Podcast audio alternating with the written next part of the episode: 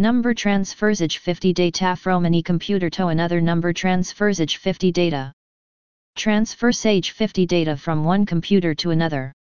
There are a few different ways that you can transfer your Sage 50 data from one computer to another. The most common way is to use the backup and restore feature within the software. This will allow you to create a backup of your data on one computer and then restore it on the other computer.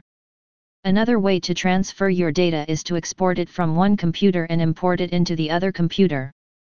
This can be done by exporting your data as a CSV file and then importing it into the other computer using the same software.